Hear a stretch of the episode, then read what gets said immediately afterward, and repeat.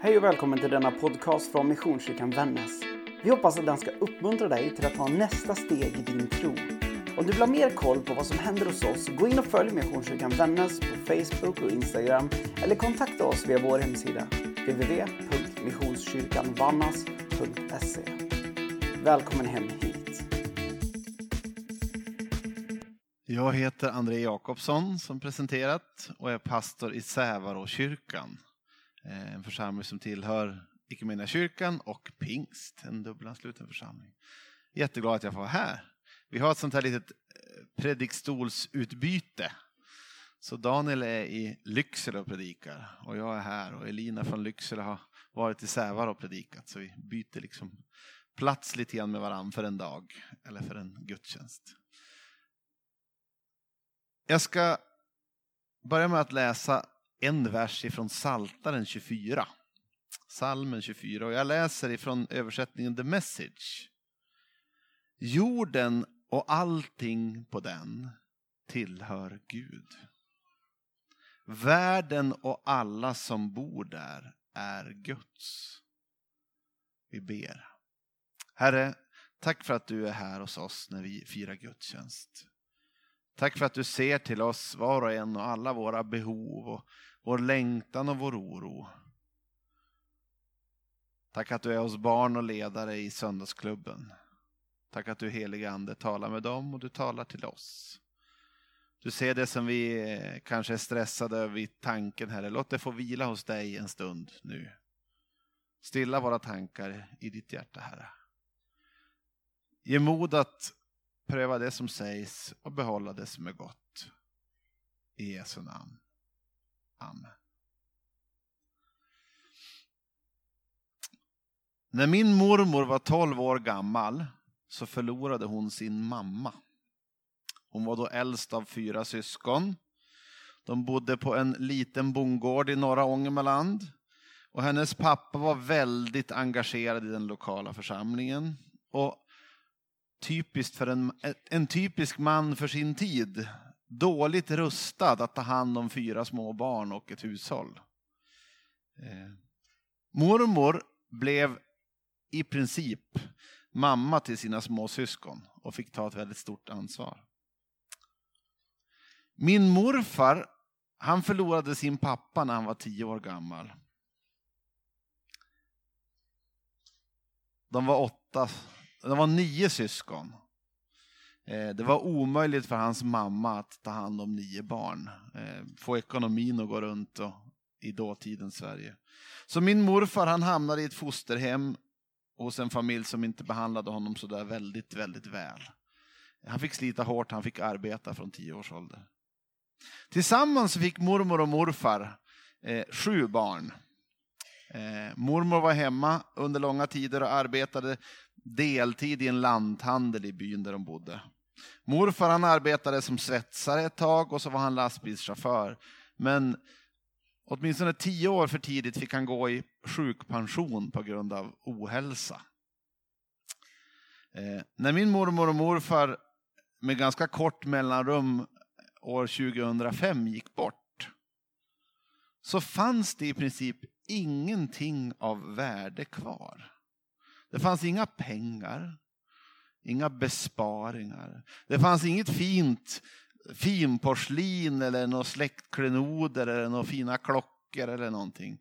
Eh, ett enkelt hus som morfar själv hade byggt på 50-talet och möbler av spånskivor som han själv hade skruvat ihop var det som stod kvar. En rostig gammal bil som inte gick genom besiktning.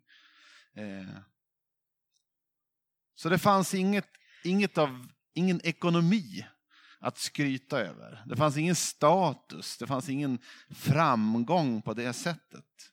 Men när jag växte upp och var hos mormor och morfar så sa de alltid, varje dag till varandra, tänk vad bra vi har det. Tänk vad bra vi har det. Och båda två hade trots en tung barndom och ganska slitiga liv lärt sig en tacksamhet i livet som fyllde deras liv med det vackra ordet förnöjsamhet. Förnöjsamhet. Och det ordet är kanske det bästa motsatsord mot ordet girighet som finns. Förnöjsamhet. Det finns ett ord inom teologin som motsvarar förnöjsamhet och det är ordet eukaristi. Evkaristi. Ett ord som i grunden betyder tacksägelse, tacksamhet. Eh, och jag ska säga det redan nu så att ni inte behöver fundera på var jag, den här besökande predikanten har hämtat sin inspiration ifrån, sina tankar ifrån. Jag älskar att läsa en teolog som heter Alexander Smeman. Eh, han var ryss, uppväxt i Paris och blev en av de ledande teologerna inom den ortodoxa kyrkan under 1900-talet. Och Smeman han talar väldigt mycket om eukaristi.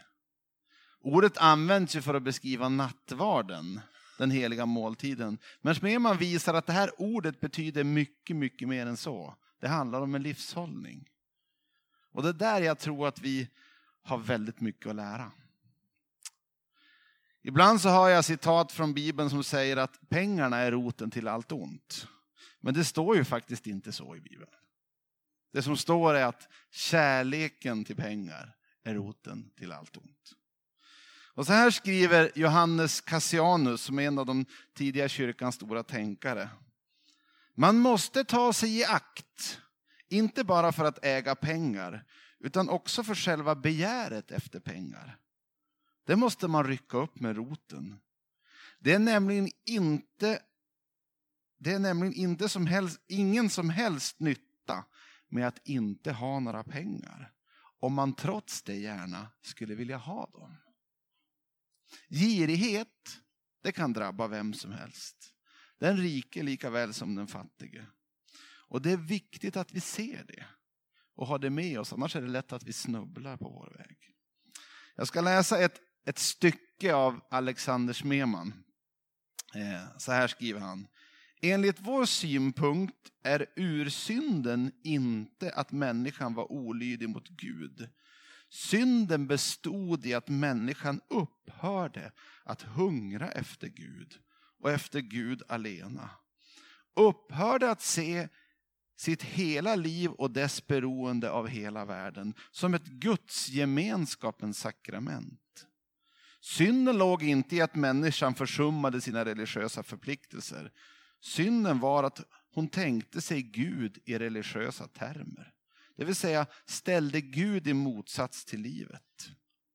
Mänsklighetens enda verkliga syndafall är att den inte lever ett eukaristiskt liv i en icke-eukaristisk värld.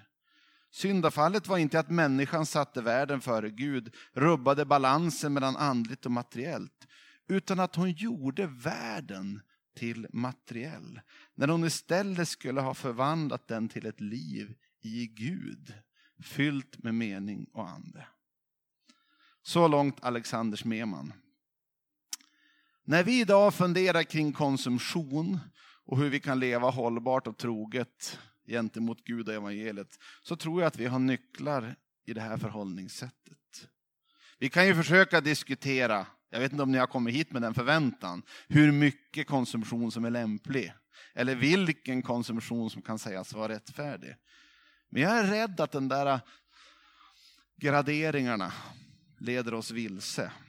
Jag tror att vi måste börja med att se att den här världen, allt det vi lever i, allt det vi rör oss i, det har sitt ursprung i Gud. Jorden är Herrens allt den rymmer. Och där har vi grunden.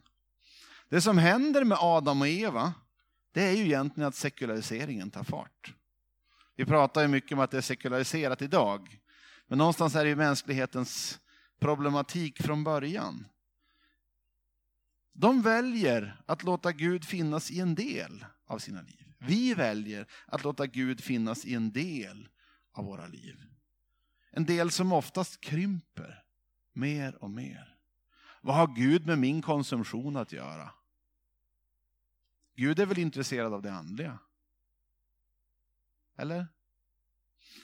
Det finns ett sammanhang i Romarbrevet 14 där Paulus diskuterar om att äta och dricka sådant som en del betraktar som orent. Och så säger han att vi ska leva i hänsyn till varandra och att vi inte ska såra varandra utifrån våra olika övertygelser. Han säger så här bland annat. Guds rike är inte mat och dryck utan rättfärdighet, frid och glädje i den heliga anden. Det finns en risk när man läser det här och andra sammanhang att man läser in en tudelning av världen. Där maten, det materiella, inte är så viktigt. Det är liksom sekundärt. Och det är inget med Guds rike eller Gud att göra. Det här sammanhanget som han skriver, det avslutar Paulus med allt som inte sker i tro är synd. Allt som inte sker i tro är synd. Tänk om det är så att det här sammanhanget egentligen vill säga till oss att hela livet hör ihop med Gud, rakt igenom. Det är därför han säger att allt som inte sker i tro, allt som inte sker i Guds gemenskap på sidan om, ja det leder oss fel. Gud är intresserad av hela mitt liv. Också det som jag skulle uppfatta som profant eller materiellt eller världsligt eller kanske till och med oandligt. Det kanske till och med är så att det är uppdelningen som är problematisk. Kanske till och med uppdelningen som är synden, att missa målet. Jag tror ju inte att vi behöver gå omkring och fundera på om Gud vill att vi ska köpa mjölk eller inte idag. Men när jag köper mjölk och dricker ett glas av mjölk som jag tycker är väldigt gott, så får jag tacka Gud för det. Och allt det goda som livet bjuder. Också något så enkelt som ett glas mjölk. Men i den där tacksamheten till Gud så kommer också frågorna att väckas i mig. Gud, behöver jag det här? Du vet att jag så oerhört gärna vill ha just den här saken. Och här finns ju risken att vi hamnar i Adam och Evas brottning. Vi ställer Gud mot livet. Istället för att fråga Gud och närma mig Gud och se alla de välsignelser som finns i närheten av Gud och vad det bär med sig att leva där, så börjar jag söka på min egen väg. Jag upphör att hungra efter Gud. Det enda som egentligen kan svara mot den hunger som människan bär. Och så börjar jag hungra efter diverse prylar, upplevelser och kickar. Och det som då händer, eh, det är att vi förlorar perspektiv. Den här texten som Anders läste, vårt öga grumlas. Vi slutar att se klart. Jag slutar att se Gud överallt. Gud finns då möjligen i någon slags religiös sfär, någonstans där jag kan välja att vara ibland, på gudstjänst kanske i Missionskyrkan. Jag slutar att se skapelsen som den gudagivna plats för tillvaron. Där allt är tänkt att tas emot som ett sakrament. Varje möte med en annan människa en möjlighet att möta Gud. Varje blomma är en möjlighet att tacka Gud.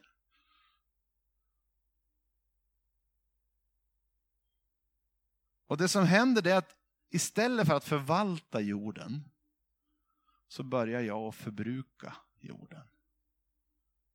Jag slutar att se mina medmänniskor som Guds avbilder och börjar uppleva konkurrens, motsättningar och avundsjuka.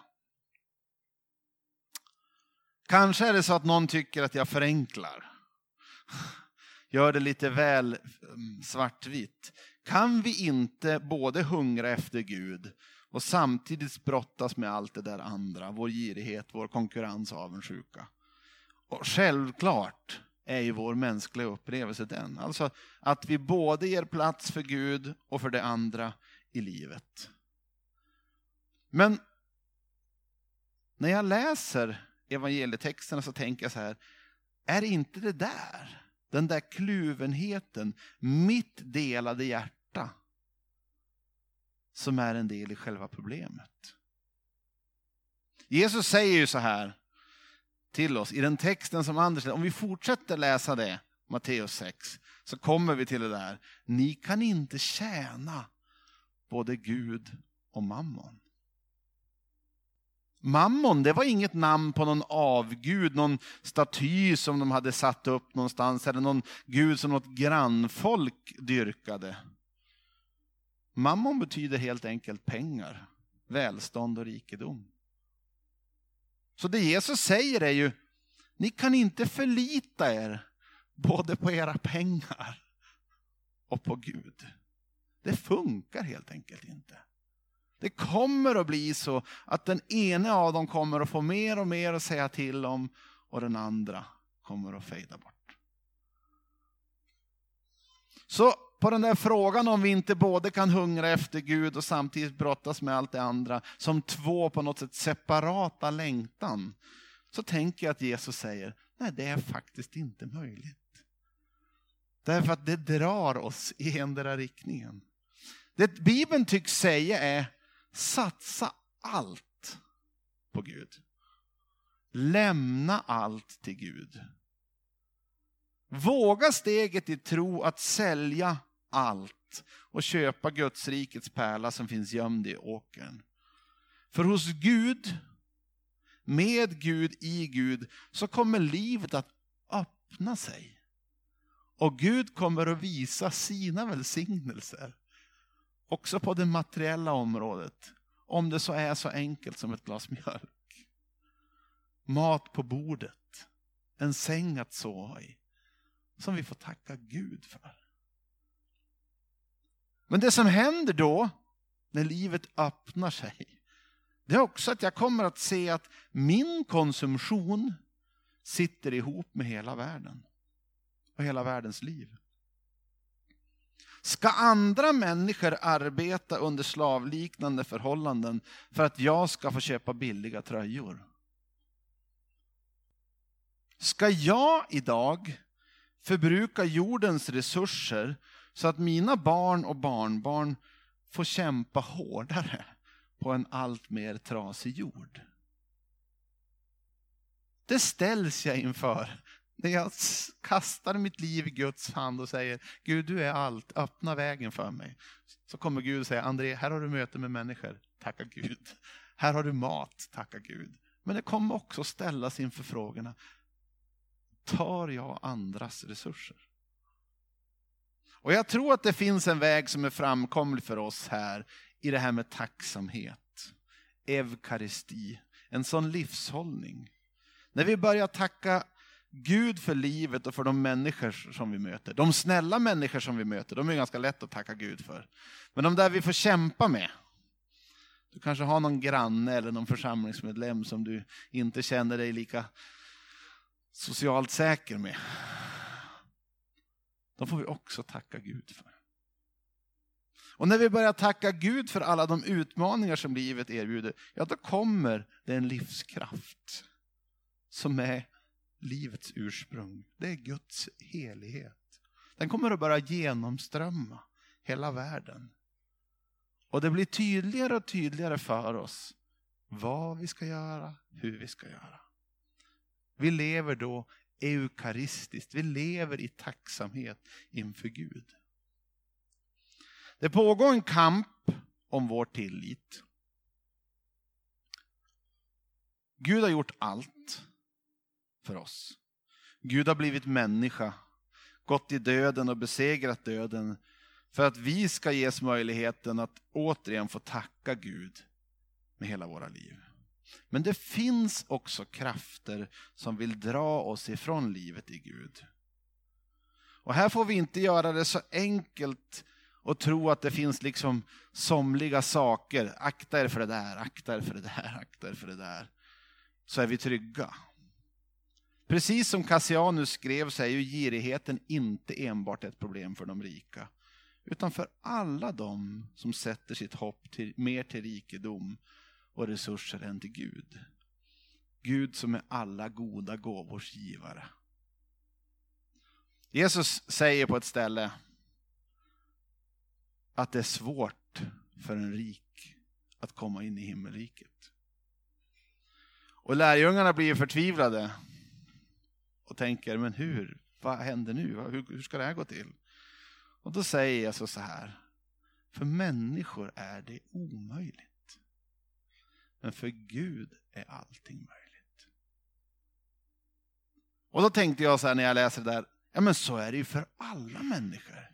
Ingen av oss kommer ju in i Guds rike på någon slags prestation eller tillräcklig duktig andligt eller någonting. Det är ju Gud som har öppnat väg. Det är Gud som är vägen. Det är Gud som visar oss vägen. Och det är Gud som hjälper mig att gå vägen. Och då blir min fråga och min fundering när jag får ett sånt här tema till mig. Var har jag mitt hjärta någonstans? Var har jag min tröst och min tillit? Vad gör jag med mitt kluvna hjärta? Gud, hjälp mig att leva tacksamt. Vi ber tillsammans. Herre, tack för att du har öppnat en levande väg för oss att gå. En väg som för tillbaks till ett liv där vi ser att allt det vi får, allt det vi möter och ges är välsignelser som vi får tacka dig för. Herre, tack för att tacksamhetens väg också öppnar möjligheten att se ansvaret. Att du, Gud, delar dina goda gåvor så att det räcker till alla.